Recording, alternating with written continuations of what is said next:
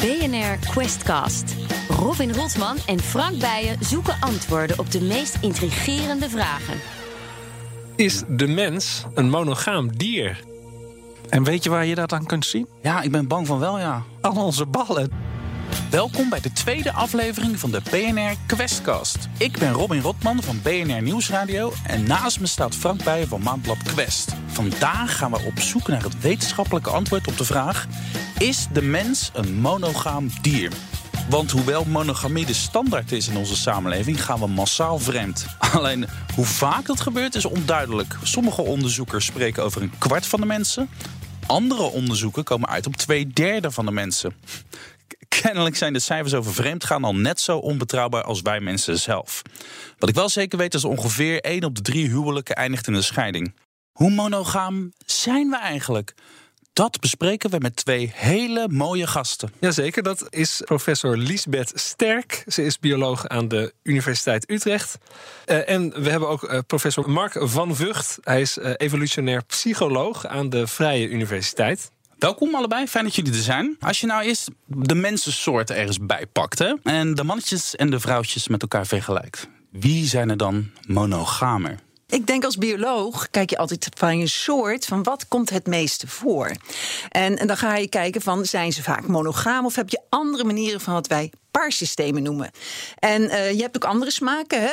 Eén man met meerdere vrouwen. Veel wijvrij zou je kunnen zeggen. Je hebt ook iets wat we veel mannenrij zouden kunnen noemen. Eén vrouwtje met meer mannen. Of veel mannen en vrouwen die het allemaal met elkaar doen. Dat heet promiscu. En je kijkt dan bij een soort, wat zien we nou het meest?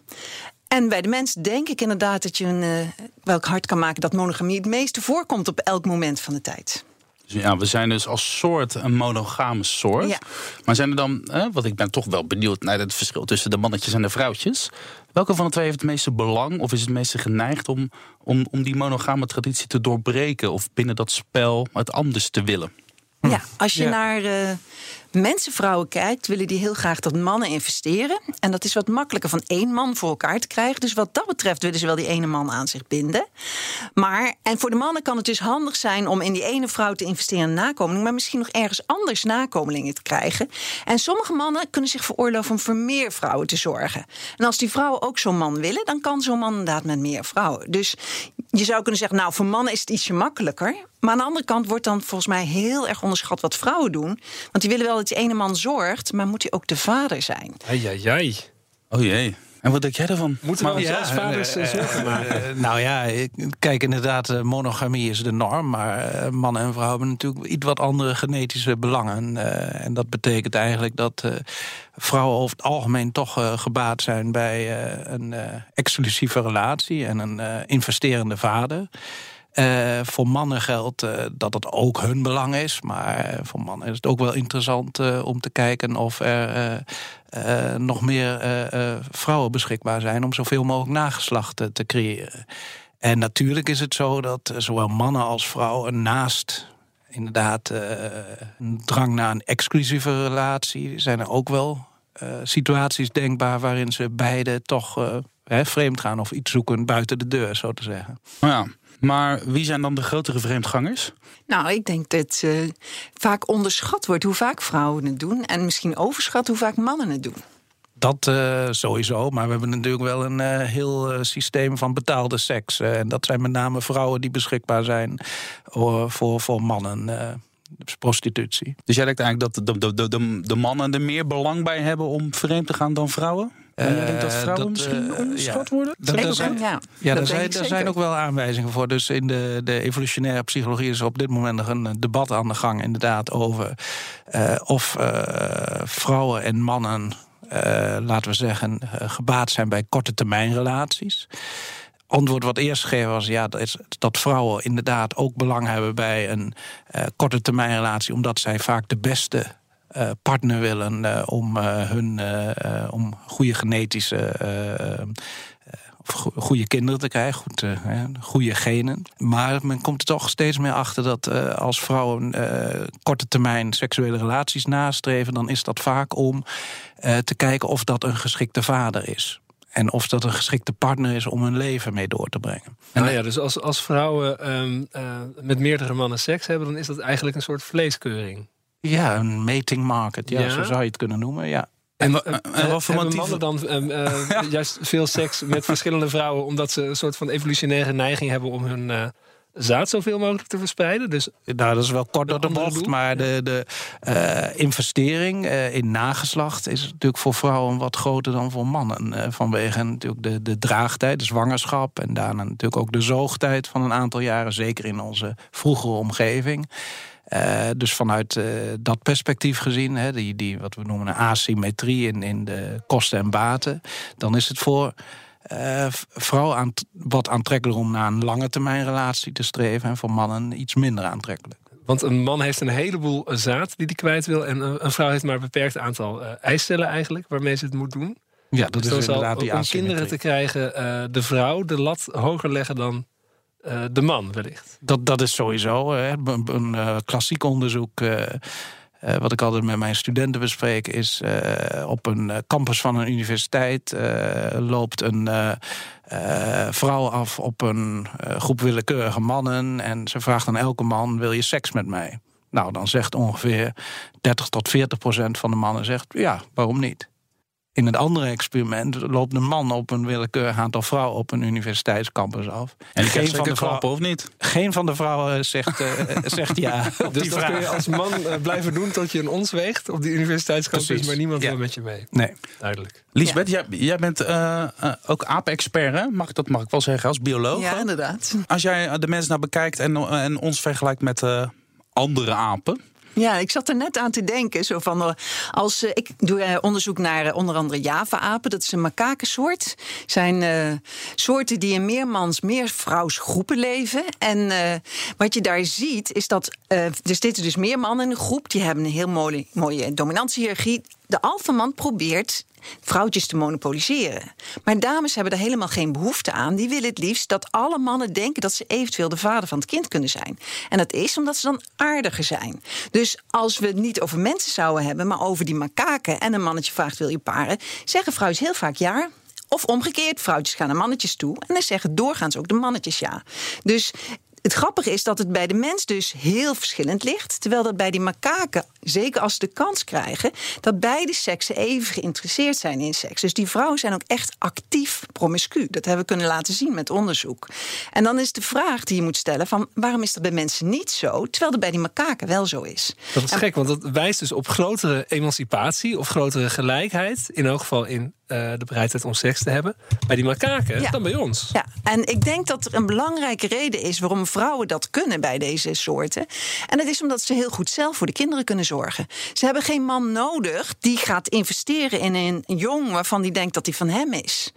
En dat is iets wat bij mensen eronder ligt. Mannen willen best wel een jongen of kinderen investeren, maar ze willen heel graag, en dat is evolutionair bepaald, zeg maar. Dus de, de, de, de vuistregels zullen zijn dat ze dat proberen te doen doorgaans in kinderen die van hen zijn.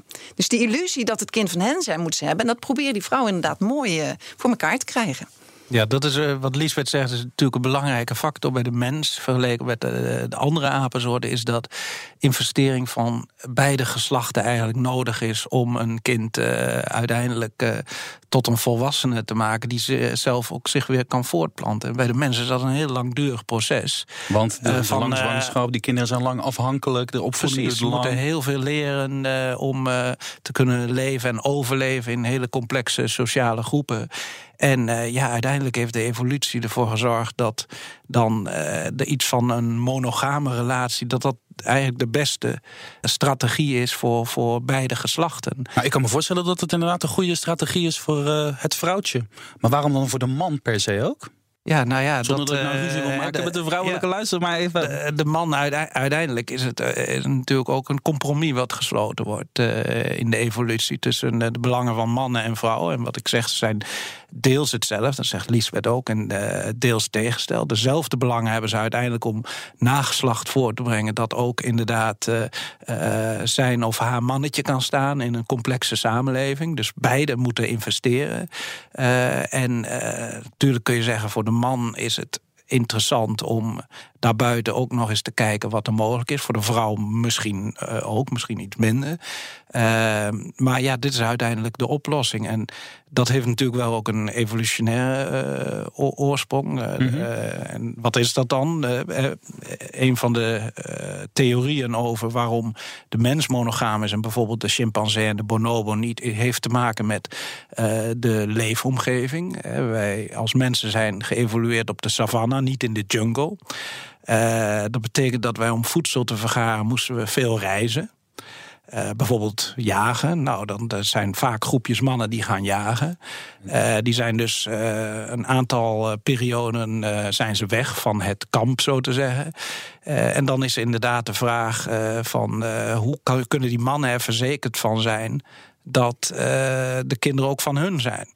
Nou, als je met elkaar een paar vormt uh, met beloftes en dergelijke. Dan kun je een contract afsluiten eigenlijk. Ja, een contract afsluiten. Dan kun je als man er zeker van zijn: oké, ik ga nu op jacht een paar dagen, maar het kind is van mij. Ja. Uh, en uh, daar investeer ik dus in. Ja, wat ik heel grappig vind, is dat jullie heel erg zitten van monogamie, maar mannen willen toch polygaam zijn. En de vraag is of alle mannen dat eigenlijk wel willen. Nou, ik heb Want als volgens mij weet ik niet, maar oké. Okay, ja, als je naar mensenpopulaties ja. kijkt, nou ja, het, het is een mis, want het is iets. Mannen hebben zo'n ideaal beeld dan voor vermoed ik, maar dat kan misschien beter in jullie vragen, van dan heb ik niet één vrouw met twee of drie of misschien honderd, of sommige mannen hadden er 500 in haren. Ik moet er niet aan denken hoor. En, maar nou, 500 misschien niet, maar misschien wel twee. Nou, maar ook, niet. Maar oké. Op het moment dat er evenveel mannen als vrouwen zijn, zie je dus dat dat betekent dat als sommige mannen polygaam zijn, dus meerdere vrouwen hebben, dat andere mannen ze niet hebben. Dus dat is, heeft ook een consequentie voor mannen als, als geheel. Dat sommigen zijn zeg maar de uh, voortplantingswinnaars, maar de anderen komen nooit aan bod. Wat is nou eigenlijk de wetenschappelijke omschrijving van monogamie? Wat is dat nou eigenlijk precies? Behalve dan dat je bij elkaar een paar vormt en bij elkaar blijft. Maar... Ja. ja, dat is het volgens mij. Een exclusieve paarvorming met het oog op uh, nageslacht. Ja, en paarvorming in de zin van exclusief paren met elkaar. Mhm. Want het hoeft natuurlijk niet te zijn dat je bij elkaar blijft en voor de kinderen, maar dat je paart in één periode waarin een kind voortgebracht wordt. Dus één reproductieve cyclus. Als dat kindje dan eenmaal eh, zelf kan functioneren. Ehm, en de aap gaat weer naar een uh, ander leuk vrouwtje of mannetje. Ja. Uh, is het dan nog steeds monogaam? Ja, als het gewoon na elkaar gebeurt, seriële monogamie heet dat bij mensen, dat is nog steeds monogaam. En wat wel grappig is, heel lang is gedacht van, en zeker bij vogels, hè, dan zie je heel vaak paarvorming, mannetje en vrouwtje, die allebei broeden op de uh, eitjes en dan van de jongen zorgen, dat die monogaam waren. Tot in, uh, in de jaren tachtig, volgens mij is Nick Davis de eerste geweest die dat deed. Mensen gingen kijken van, van wie zijn die kinderen nou eigenlijk? Wie, en toen was dat DNA-onderzoek. dat was, was, bij de hegemus, toch? Want ja, bij die stond altijd bekend als het monogame vogeltje. Ja, het schijnt dat in het uh, Brits er allerhande gedichtjes zijn over die fantastisch trouwe hegemusjes. Dunnox heette die. En toen ging hij daar onderzoek aan doen. En uh, gewoon in het park vlakbij, volgens mij zit hij in Cambridge. En toen kwam hij erachter dat lang niet alle jongen van die vader waren. Ah, dus, dus die dame had rondge... Die zijn ook niet helemaal eerlijk geweest in de enquêtes. En nee, dat klopt. En toen hebben ze dus een nieuwe term geïntroduceerd. Dat heet sociale monogamie. Dus het ziet eruit als een paardje. En ze gedragen zich als een paardje. Maar ondertussen zijn die hegemus vreemd. En die dat zijn heet, met de alfa hegemus mannetjes geweest. En dat heet de EPC'tjes extra pair copulations. Dus paringen buiten jouw paarband. Maar dan uh, ondertussen nog wel uh, de schijn ophouden voor de buitenwereld. Nou, dat is bij mensen niet anders. Hè? Dus een dus klassiek onderzoek. de menselijke mus. Ja, maar en, zitten uh, dichter bij de mussen dan bij de apen? In nou, dit opzicht ja, in wel, sommige ja. opzichten ah. wel. Dus, uh, nee, waar uh, onderzoek in Engeland uh, heeft, dat is in ziekenhuizen gedaan, waar ze ook gekeken hebben naar de baby's die daar geboren zijn. van is nou de, degene die zich uitgeeft als vader, is dat ook de biologische vader? Uh, de, bleek dat volgens mij 1 op de 10 uh, van de kinderen die daar geboren was, was dus de biologische vader niet degene die zich als vader uitgaf. Zeg maar. Dat is grappig, want daar heb, ik net, gekeken, daar heb ik net Maar er zijn heel veel variaties op. En er is ook inderdaad wel wat kritiek op dat onderzoek. en de variaties die zijn ook cultureel bepaald. In sommige culturen is het veel hoger dan 10%. En in andere culturen, waarin, waaronder bijvoorbeeld denk ik Nederland, maar ook Engeland, is het toch wel wat lager dan Nederland 1 op 10. Dan? Ik denk een stuk minder dan 1 op 10. Uh, 1 op 100? Nou, iets ja, in die orde. Dat is iets dat ik heb begrepen. Uit de meeste onderzoeken. Maar nu, uh, kijk, die, die hebben, Sorry, hebben lopen, we daar, lopen we op de zaken voor, hè? Ja. dat werkt helemaal niet. Stellingen. Frank, ja, kom er maar in. Jullie uh, zijn het eens of oneens en nuanceren kan achteraf. Liefde is niks meer dan een hormonale uitbarsting die ervoor zorgt dat we een tijdje lang een bepaalde partner kiezen. Maar als die eh, verdoving is uitgewerkt, dan is het gewoon kille ratio die ervoor zorgt dat we bij dezelfde partner blijven. Waar of niet waar? Waar en niet waar. Eerste stuk wel, tweede stuk niet. Mark? Oneens. Oneens. Nu mannen en vrouwen gelijkwaardiger zijn dan ooit, zullen relaties voor het leven steeds minder vaak voorkomen. Waar of niet waar? Waar. Niet waar. Love hurts. Waar of niet waar? Niet waar. Waar. Jeetje, jongens. Oké, laten we beginnen met de eerste. Ik ben menswetenschapper, hè? Ja. Liefde is niks meer dan een hormonale uitbarsting die ervoor zorgt dat we voor een partner kiezen. En daarnaast het killer ratio die ervoor zorgt dat we bij elkaar blijven. Dat is niet waar, zeg jij. En Lisbeth zegt dat dat wel waar is. Bij het eerste stuk, ja. ja maar waarom is dat niet waar? Nou ja, dat is natuurlijk heel mechanistisch uh, wat je beschrijft. Je beschrijft het mechanisme van mm -hmm. hormonen, oxytocine... en dat er uh, vrijkomt uh, als je verliefd wordt. Maar er zit natuurlijk een heel diep evolutionaire oorzaak achter... die zich niet eenvoudig laat beschrijven in termen van mechanismen. Nou, je omschreef net de mensen op de savanne die dan uitjagen. De mannetjes gaan uitjagen, de, de dames zitten thuis. En uh, die sluiten als het ware, misschien onuitgesproken, maar wel een soort contract. Dus daar gaat ook wel iets van ratio achter schuil. En ik zou zeggen dat je als wetenschapper uh, het, het, toch niet zo snel in het romantische zou moeten zoeken. Maar je wil toch juist weten wat die mechanismen zijn erachter. Dat wil je er toch afpellen? Ja, maar kijk, je doet het voorkomen alsof de, eh, verliefd worden als dat instinctief, hormonaal is. En dat uh, bij elkaar blijven vervolgens een uh, rationele, bewuste keuze is. Maar evolutie heeft ervoor gezorgd dat als inderdaad monogamie de oplossing is van die, van, of dat compromis van, van de belangen van mannen en vrouwen.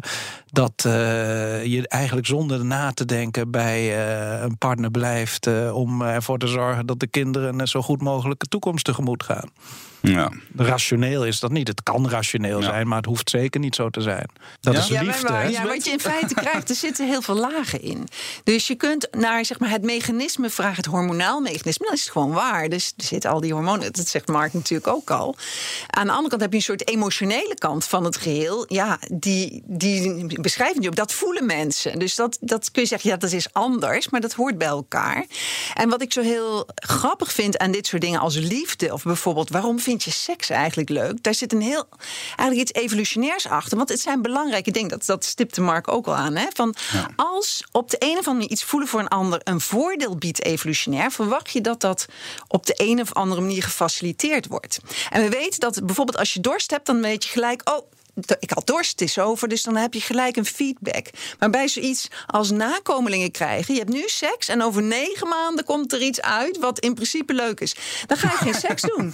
Ja, ja. Tenzij je dat in zichzelf belonend is. Ja. En dat is dus de evolutionaire verklaring voor het geheel. Dus het gevoel is evolutionair nuttig, maar dat doet niks af aan het gevoel. Hoe zit dat dan bij relaties? Want we hebben het nu over seks. Ja, dat snap ik. Dat, dat voelt uh, iedere volwassene. Uh, maar het, het, volhouden van een uh, monogame relatie. Uh, ja, daar is misschien, zoals, zoals in de stelling zit, wel wat meer ja, zeg ratio voor nodig. Dan alleen um, ja, uh, die, die stofjes zijn natuurlijk een stuk minder heftig. Dat je dus hetzelfde erbij kan doen. Is van, kijk, daar zit ook die gevoelens bij en dergelijke. Alleen ja, het begin, begin voorspelt niet per se dat er na de relatie goed blijft. Uh, dus wat dat betreft zit er ook, denk ik, een stuk emotie bij... waar je al die niveaus weer in kan onderscheiden. Eigenlijk zei Mark dat ook al. Van als je bij elkaar blijft, kun je voor de kinderen gezamenlijk zorgen. Als dat betekent dat je kinderen beter terechtkomen... verwacht je dat daar een selectiedruk op zit en dat dat zo gebeurt. Maakt niet dat het minder mooi is als gevoel. Aan de andere kant, ik heb een tijd in Indonesië gewoond. Ik had er een kokkin. En die had het ook altijd over de man van mijn, de vader van mijn kinderen. En dat was, daar zat ook een soort iets achter van gezamenlijk zorgen wij voor het huishouden. Dus het klinkt heel rationeel. Maar ik denk op het moment dat je je niet goed bij elkaar voelt, ook in Indonesië, blijf je niet bij elkaar. Dus die rationele kant kan er aan zitten. Maar dat wil niet zeggen dat dat het enige is. Denk ik persoonlijk. Maar dat, dat weet jij misschien beter, want jij onderzoekt nou, mensen. Ja, ja. Kijk, uh, de hormonale uh, beschrijving uh, waar je het over hebt, dat heeft ook met verliefdheid te maken. Liefde is toch voor mijn gevoel, en zeker als je dat afzet in het dierenrijk, is, liefde toch een soort van signaal dat je met elkaar een diepe, langdurige relatie aangaat. Om ervoor te zorgen, inderdaad, dat het nageslacht kan, kan overleven en kan, kan bloeien. Dat is liefde. Bij mensen, ja. Ja, en dus, maar bij eh, dieren ook, verwacht ik. Ja, bij dieren, dieren ook. ook nee, natuurlijk. Ja, ja. Maar dan, heb je dus, dan pel je dus toch het, uh, het verliefdheidsmechanisme af van het lange termijn liefde. Ja, mechanisme. Dat is weer wat anders. Andere stofjes misschien, andere, andere dingetjes. Ja, de, de, is er diepe, onderzoek naar gedaan een met diepe mensen? band die je met elkaar voelt. Ja. Maar is er onderzoek naar gedaan of dat hormonaal anders gereguleerd wordt? Verliefdheid en liefde. liefde versus ja, ja dat heeft ook denk ik met uh, natuurlijk de seksuele arousal. Die uh, wordt natuurlijk wel minder uh, maar dat, maar dat is de verliefdheidskant precies maar dat gaat er moet er iets mysterieus voor in de plaats komen nou helemaal niet nou, mysterieus. nee, helemaal niet. Mis een diepe band omdat je, hè, je, je, je zit in het, hetzelfde schuitje zeg maar om ervoor te zorgen dat de kinderen bloeien en, en dergelijke. Ja bij ehm, bepaalde woelmuizen vols en ik vergeet dat je hebt mountain vols en prairie voles. En de een is monogaam en de ander niet. Die zijn promiscu. En daar is heel erg veel hersenonderzoek gedaan. Dat is al redelijk 20, 30 jaar terug. Maar daar kwamen ze erachter dat bij die monogame... dat bij vrouwtjes oxytocine en mannetjes vasopressine... in de hersenen zorgt voor een band met elkaar. En vandaar dat oxytocine tegenwoordig ook het liefdeshormoon heet. En dat is waarschijnlijk de lange termijn relatie hormoon. Precies. ja. En dat is bij die anderen, die wel degelijk aan seks en voortplanting doen, is, werkt dat gewoon niet zo. Kijk, en dan zie je dus dat het helemaal anders gereguleerd is. Terugbrengen tot een stofje. Maar dat, hormoon, dat, wordt toch ook, dat wordt toch ook gebruikt door sommige datingbureaus om twee mensen bij elkaar te zetten en kijken of, of ze hormonaal bij elkaar passen en dus verliefd op elkaar worden? Ja, maar het is de nou, vraag of het helemaal slim is. Want ik hoorde ook laatst iemand die aan huismuizen werkte. En uh, als je al hoge oxytocine niveaus hebt, geloof ik, dan had je zoiets van: ik heb al een relatie, ik hoef geen nieuwe aan te gaan. Dus daar moet je wel even over nadenken voor je dat doet. ja, nou. Dus uh, of dat nou inderdaad de meest succesvolle manier is, is de vraag. Uh, wat, wat is nou het meest monogame dier dat er, uh, dat er te bedenken valt? Die lopen gewoon een hele leven lang hand in hand. Kan je... Pinguïns misschien? Nou, ik weet dat albatrossen volgens mij inderdaad jong, geloof ik, kiezen en dan 40 jaar bij elkaar kunnen zijn. Maar dat durf hm. ik er niet te zeggen. Bij vogels. Nee dus ik durf de soort niet te noemen. Bij vogels zijn er heel veel die in ieder geval sociaal monogaam zijn. Er is ook heel veel onderzoek naar gedaan. Er zijn vrij veel soorten die sociaal monogaam zijn. Zie je inderdaad dat er eieren van andere mannetjes bij liggen, maar bij sommige soorten niet. Dat het bij vogels volgens mij veel vaker voorkomt dan bij zoogdieren is omdat vogels die kunnen heel makkelijk bewegen, die vliegen. Dus die zijn snel weg, ook bij een partner. Dus die hebben veel meer gelegenheid om het om vreemd te gaan, beide kanten op. En dit die vliegen makkelijker naar een ander nestje. Ja, die vliegen makkelijker weg van een partner dan dat wij dat als zoogdieren kunnen. Maar ook er zijn een aantal vogelsoorten die volgens mij niet alleen sociaal, maar ook seksueel monogaam zijn. Maar um, laat me, zijn er niet veel? het zijn er niet zoveel volgens mij, maar die zijn er wel. En wat, wat zei Darwin nou over, over monogamie? Die zei toch dat, dat uh, polyamore relaties, of hoe noem je dat? Dat je meerdere partners tegelijk, dat is polyamore is dat, hè? Ja, polyamorie, ja. Poly, uh, Dat dat goed is, uh, dat dat evolutionaire voordelen mee, met zich meebrengt. En dus ook bij de mens. Heeft, heeft hij daar wel eens iets over geroepen? Ik durf het niet te zeggen. Nee. Nee, Darwin. Uh, Polygamie moet ik natuurlijk zeggen. Polygamie, maar je hebt ook polyamorie. Dat je inderdaad op meerdere mensen tegelijk verliefd bent. Ja, hè? Nee, ik vind het wel logisch van die polygamie. Want uh, alleen de machtigste mannen die kunnen natuurlijk veel vrouwen tegelijkertijd um, uh, voor, zich, voor mm zich winnen.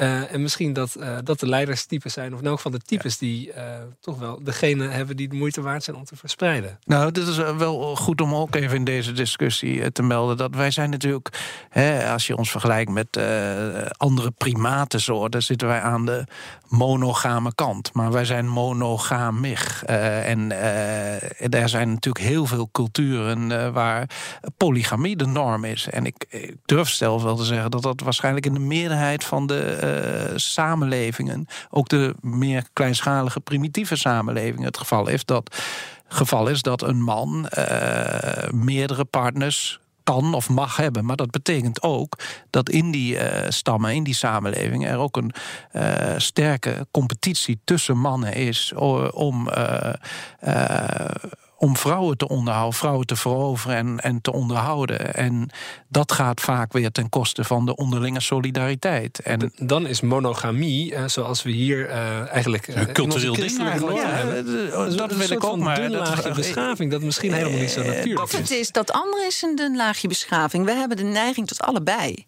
En je, daar moet je ook weer de vrouwenkant niet in vergeven, vergeten. Want op het moment dat alle mannen evenveel hebben zijn vrouwen waarschijnlijk veel meer geneigd om voor die man een man te kiezen om de een of andere manier leuk vinden. En dan krijg je veel meer monogamie. Als er gigantische verschillen zijn in bezit. Ja, dan kun je misschien beter tweede vrouw zijn. Mhm. dan dat je naar een man gaat die helemaal niets heeft. Ja. En, dus- en, en, en waar in de menselijke wereld kom je dan tegen dat er uh, vrouwen zijn die meerdere mannetjes hebben? In de mensenwereld? Die bestaan Polyandrie, ja, ja. Daar zijn een paar samenlevingen in. Tibet, Nepal, geloof ik. Tibet, Nepal, ja. ja. Ja. Volgens mij zijn het er twee. Daar trouwt een vrouw met een eh, aantal broers. En uh, dat schijnt ermee te, te, maken te hebben dat zij. De landbouw daar is natuurlijk nogal uh, zwaar. Dus als je één stel hebt, die krijgt niet voor elkaar om voldoende van de grond te halen. Dus je hebt meer mensen nodig. Dus een vrouw is trouwt met een aantal broers. En die werken allemaal op de grond. En daarmee krijg je voldoende voedsel af om een gezin te onderhouden. Kijk, dan blijven er nog een paar vrouwen ongetrouwd over. En die sturen ze dan misschien wel naar het klooster? Ik heb geen idee. Dat, is een hele leuke vraag, ja. ja. Jij vertelde net dat uh, de mensen monogamig zijn... als je ons vergelijkt met andere apensoorten. En weet je waar je dat aan kunt zien? Ja, ik ben bang van wel, ja. Aan onze ballen. Aan onze ballen, de teelbalgoten. Ja, wie dat onderzoek toch ooit gedaan heeft. Ja, die heeft een... onder andere. Ja, die heeft dat, dus wij hebben, die heeft dat fantastische tijd gehad. Wij hebben monogame ballen, wij. Wij, nee, wij, zitten wij we hebben nou niet over de kerstbal in de kerstboom, uiteraard. Maar. maar zitten wij mannen nou niet, uh, mensen, mannetjes, nou niet een beetje tussenin? Want ik geloof dat. Uh, uh, ja, ja aan, dat... aan, de mono, monogame kant. Dus, hoe, hoe zou nou? Chimpansees die hebben echt enorme ballen, toch? Ja. En ja, gorilla's, chimpansees, die doen het, dan doet iedereen het met iedereen. Ja, een gorilla, had het over die makaken. Een gorilla is echt de alfaman. Die is de enige die het met, met de vrouwtjes mag doen. de, de grote zilverrug. En die heeft kleine ballen. Ja. En de mens zit precies tussenin. Wat zegt dat nou? Dat we monogamig zijn dan, kennelijk. Ja, en waar heeft dat nou mee te maken? Lisbeth, wil jij ja, dat? ik wil dat wel uitleggen. Dat is gecorreleerd met iets wat we spermacompetitie noemen. Wanneer heb je dat? Dus als een vrouwtje met meer dan één mannetje paard... heeft ze sperma van meerdere mannen in zich. Maar bij apen is het zo dat ze altijd maar één kind per keer krijgen. En de vraag is dan, wie bevrucht? Nou, dat kan je voor zorgen dat het jouw sperma is door maar heel veel te maken. Het is een soort tombola. Ja, hoe meer, hoe meer kans je hebt. En dan krijg je een soort arms race tussen die mannen. En is wat klassiek Darn heeft benoemd van wat er voor de paring gebeurt. Wie krijgt toegang? Hoe, hoe wordt dat bepaald? Zijn dit de nieuwere inzichten dat na de paring er nog van alles kan gebeuren? En dit is dus spermacompetitie. En op het moment dat je dat als soort heel vaak ervaart, zie je dat mannen hele grote testes krijgen. Dus als je hele grote ballen hebt, dan maak je ook heel veel zaad. Het is in feite alsof je meedoet aan de staatsloterij en je koopt een heleboel loten. Ja, zoiets inderdaad. Maar wat was er dan eerder? De monogamie of de kleine ballen? Of um, werden die ballen groter naarmate de mensen... Dat, dat evolueert gezamenlijk, hoogstwaarschijnlijk. Okay.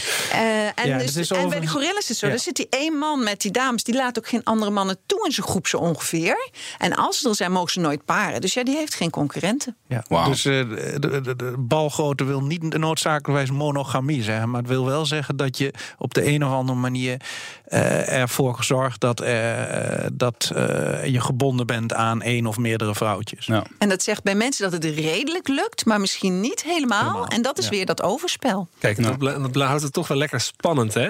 Volgens mij moeten we naar het volgende rubriekje. Ja. Bekend statistiekje, we hadden het er net al even over. Eén op de tien kinderen zegt papa tegen de verkeerde man. Dat is even schrikken, maar um, het, het, valt aan de andere kant ook wel weer mee. Want de meeste moderne onderzoeken naar dit onderwerp... die uh, wijzen erop dat 1% van de kinderen bastaardkind is. Maar, we hebben nu aan het begin van de uitzending gezegd... Hè, hoe vaak wij scheiden en hoe vaak wij vreemd gaan.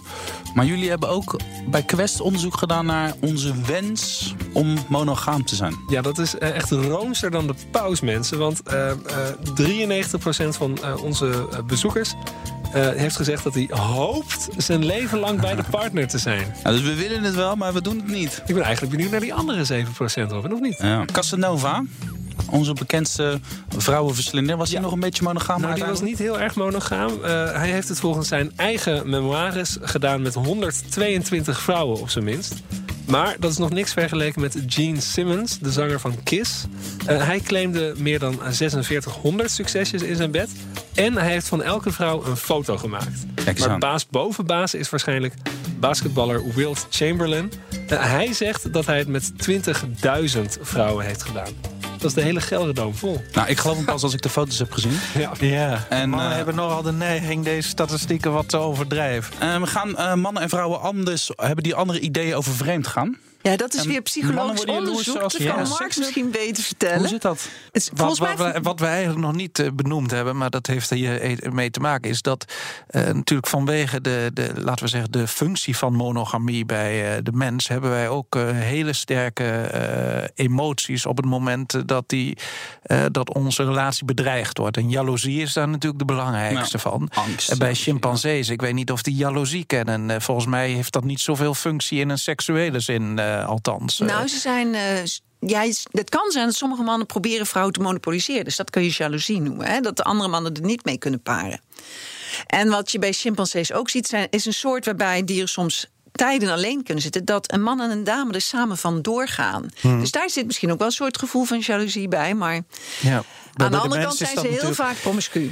Ja, bij de mensen is dat heel sterk uh, ontwikkeld. En dat suggereert uh, mij uh, en, en andere onderzoekers dat, dat die, die monogamie als norm wel heel sterk is. Maar mannen en vrouwen vullen dat wel wat anders in. Dat blijkt uit sociaal-psychologisch onderzoek. Ze zijn om andere redenen jaloers. Om andere redenen jaloers. en het onderscheid wat wel vaak gemaakt wordt is tussen seksuele jaloezie en romantisch of relatie jaloezie. seksuele jaloezie is met name een mannending. Uh, dus als uh, zij een signaal oppakken dat hun uh, partner, hun, hun vrouw vreemd gaat, dan ervaren zij veel seksuele jaloezie. Waarom? omdat zij uiteindelijk niet willen investeren in een kind dat niet van hun is, biologisch gezien. Uh, voor vrouwen ligt het net iets anders. Uh, ook die vinden het natuurlijk hartstikke vervelend uh, als hun man vreemd gaat. Maar als hun man zich hecht aan een andere vrouw, dan is dat nog een belangrijke signaal. Want dat zou wel eens kunnen betekenen dat hij zijn investeringen, zijn geld of zijn, zijn aandacht gaat investeren in, in, in een andere relatie. Dus dan is de hechting, de emotionele band kwetsender dan de seks. En bij vrouwen is het gewoon. Of, of bij mannen is het andersom. Is het andersom, ja. Weet je. We hadden net eh, bij de stellingen over um, eigenlijk een beetje de toekomst. Hè? Mannen en vrouwen zijn steeds gelijker in de samenleving. Um, en we hadden het erover of dat nou uh, effect heeft op het aantal scheidingen misschien, of het aantal relatiebreuken. Ja, um, hoe wij relatie in de toekomst gaan beleven. Eigenlijk. Ja, moeten we ons uh, in de toekomst um, uh, daarop gaan voorbereiden of gaan, tegen gaan wapenen? Dus op het moment dat je uh, je trouwt, dan zeg je tegen mhm. elkaar: ja, nou ja, eh, laten we een eh, tijdje bij elkaar zijn. En over tien jaar evalueren we en kijken we verder of we wel verder willen. Ja, ja ik uh, kijk, mijn stelling als evolutionair psycholoog is dat uh, zoiets als monogamie, uh, dat dat eigenlijk in, in miljoenen jaren zich heeft ontwikkeld uh, bij de mens als de meest ideale oplossing uh, voor het uh, krijgen en, en, en investeren in nageslacht. En dat gaat niet van de ene op de dag veranderen. ook al wordt er in de samenleving verandert er iets aan de welvaartsverdeling, bijvoorbeeld tussen mannen en vrouwen. Dat, ja, maar het is ideaal, zeg je, om nageslacht. Um eh, de eerste stappen te laten zetten op de nou, wereld. Ja, eerste stappen, zodra ze zijn, 18 jaar investeren. Zodra ze zijn uitge, uitgevlogen, dat, dat, dat zie je heel vaak. Op het moment dat de kinderen de deur uit zijn, ja. dan zie je een hele golf van scheidingen. Ja, maar dat heeft eigenlijk geen uh, implicaties voor nageslacht. Want de meeste mannen en vrouwen. Maar misschien die dan, de status van het huwelijk. Je zegt, okay, we, trouwen met, van het we trouwen met elkaar, we blijven ons leven lang bij elkaar. Je kan ook zeggen, we trouwen met elkaar en over uh, 10 of 15 Totdat jaar. Totdat de kinderen het huis uit zijn. Ja, dat, uh, dat, dat, dat, dat zou zou maar kunnen, ja. Dus het huwelijk, maar goed, eh, dan hebben we het nog wel over monogamie of iets van seriële monogamie. Eh, maar dan wel eh, binnen de context van het grootbrengen van gezamenlijk grootbrengen van kinderen. En natuurlijk wat daarna gebeurt, ja, maar dat heeft verder geen evolutionaire implicaties. Nou, niet helemaal, denk ik. Ik, ik. Er zijn twee reacties hierop. Aan de ene kant is het van, volgens mij uit onderzoek over relaties en dergelijke blijkt dat als je een langdurige goede relatie hebt, dat je dan gezonder bent en dergelijke. Dus er zijn andere consequenties dan alleen maar kinderen. En dat zijn misschien wel afgeleide dingen, maar dat mensen die goede relaties hebben, gewoon langer gezond blijven en zich langer beter voelen. Dus wat dat betreft, de, de toekomst van een monogamie is niet per se weg, omdat die effecten er ook zijn.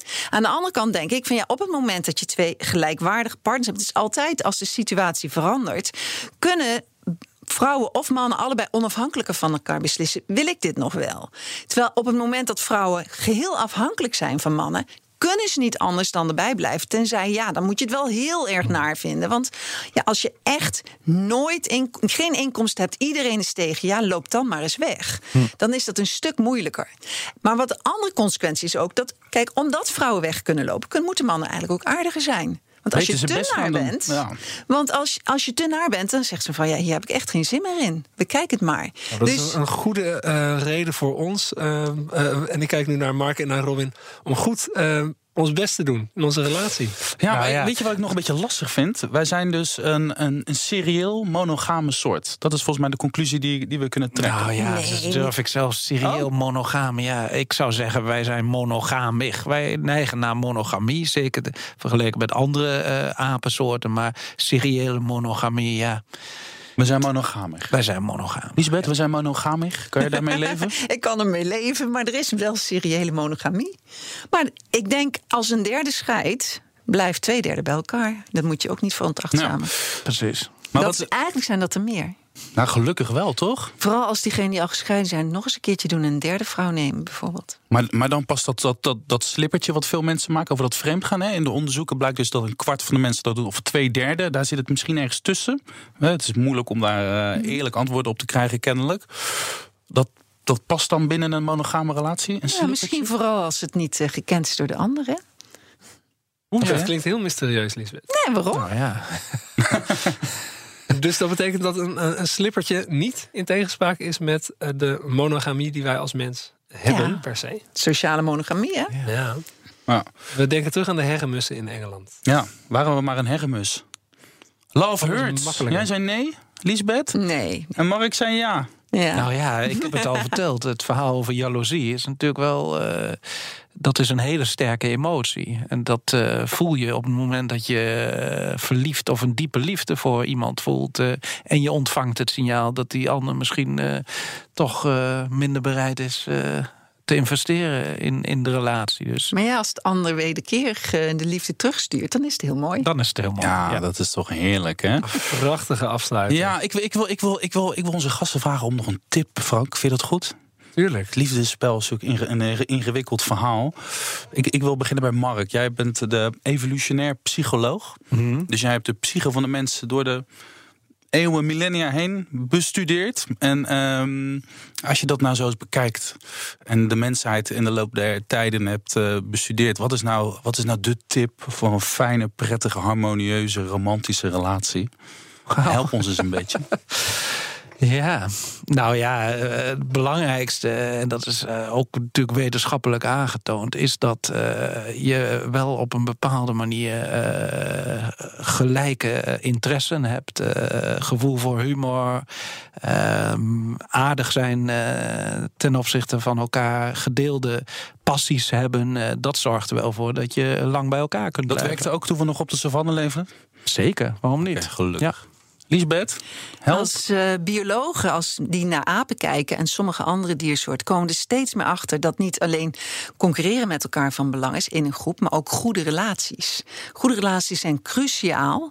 En eh, er zijn ideeën of er zijn wat onderzoeken die laten zien hoe, hoe zie je die. En dat betekent dat er veel vaker aardig gedaan wordt dan naar. Dus misschien dat vaker aardig doen en complimentjes geven en zeggen dat je iets waardeert. Dat is een goed. Dan ten opzichte van af en toe is ruzie, wat niet zo erg is. Als dat maar in balans is, dan hou je goede relaties. En die zijn misschien prettig aan de ene kant, maar zijn ook heel goed voor je. Frank, ik, ik, vind, ik vind het wel wat. Kan nu wel mee uit de voeten hoor. Uh, nou, aardig zijn. Ja, blijkbaar kost het heel veel moeite. Als je kijkt naar die een derde, uh, dat enorm hoge scheidingspercentage. Ja. Misschien moeten we het maar eens een tijdje gaan proberen, Robin. Aardig zijn, ja. denk je niet? Ja, ik ben ook benieuwd als we deze uitzending zouden maken met een groepje relatietherapeuten. Of zij ook vinden dat wij uh, mensen monogamisch zijn. ja, die, die, zien een iets andere steekproef. Vraag het aan dominees of imams en je krijgt weer een ander antwoord. Ja, ja. Monogamig, hoe zou dat? Ugh. Ik ben blij dat we professor Mark van Vruchten hier in de studio hadden. Evolutionair psycholoog. En ik ben ook blij dat we Lisbeth Sterk hier hadden, bioloog. Dank jullie wel. Graag gedaan. Um, blijf ons volgen via quest.nl, bnr.nl, Spotify en iTunes. Elke twee weken hebben wij een nieuwe BNR Questcast. Dank jullie wel en tot dan.